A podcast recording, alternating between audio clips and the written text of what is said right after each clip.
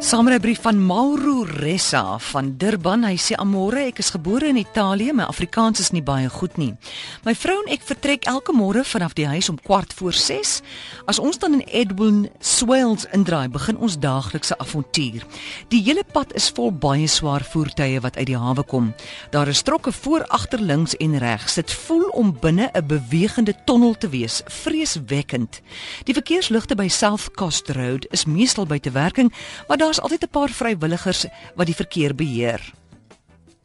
Ek dink dis hulle wat die verkeersligte buite werking stel. Daar's altyd 'n permanente span wat die gate ook in die konkrete pad regmaak en deel van die bane toemaak. Wat hulle vandag regmaak is volgende maand weer stikkend. Na die N2 kruising kom ons by die baie styl opdraande net voor die Belwel afdraaipad, waar meeste van die tyd is daar 'n stilstaande trok wat die verkeer belemmer en leekse motors flash dan ligte en wil verbyry. Na die Belwel afdraaipad is dit oop pad tot in Pinetown waar ek links draai op die N3.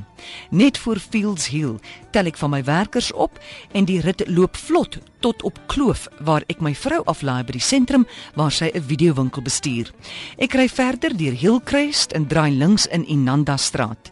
Die pad is onder konstruksie en voor ek weer links draai in Fisher Road, is daar 5 verkeerkalmeerders wat spoed moet verminder tot 15 km/h. As ek in Fisher links draai, is dit die laaste van 26 verkeersligte, kan jy glo, voor ek by my werk uitkom. Tot hierdie verkeer was min of meer normaal. Nou begin die nagmerrie talle taksies wat enige plek stil staan in die middel van die noupad en ek moet maar wag tot hulle weer ry. Mense loop die hele pad vol en hulle gee pad as daar 'n voertuig aankom.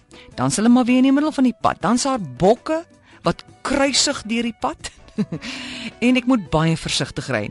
By Brackenhill kry ek die eerste sig van die Inanda Vallei en dam wat deur die berge omring is. Dis een van die mooiste uitsigte wat ek ooit gesien het. Ek ry die kronkelpad tot onder op die bodem van die vallei. Uiteindelik na 'n uur en 'n kwart en 64 km kom ek by my werkplek aan.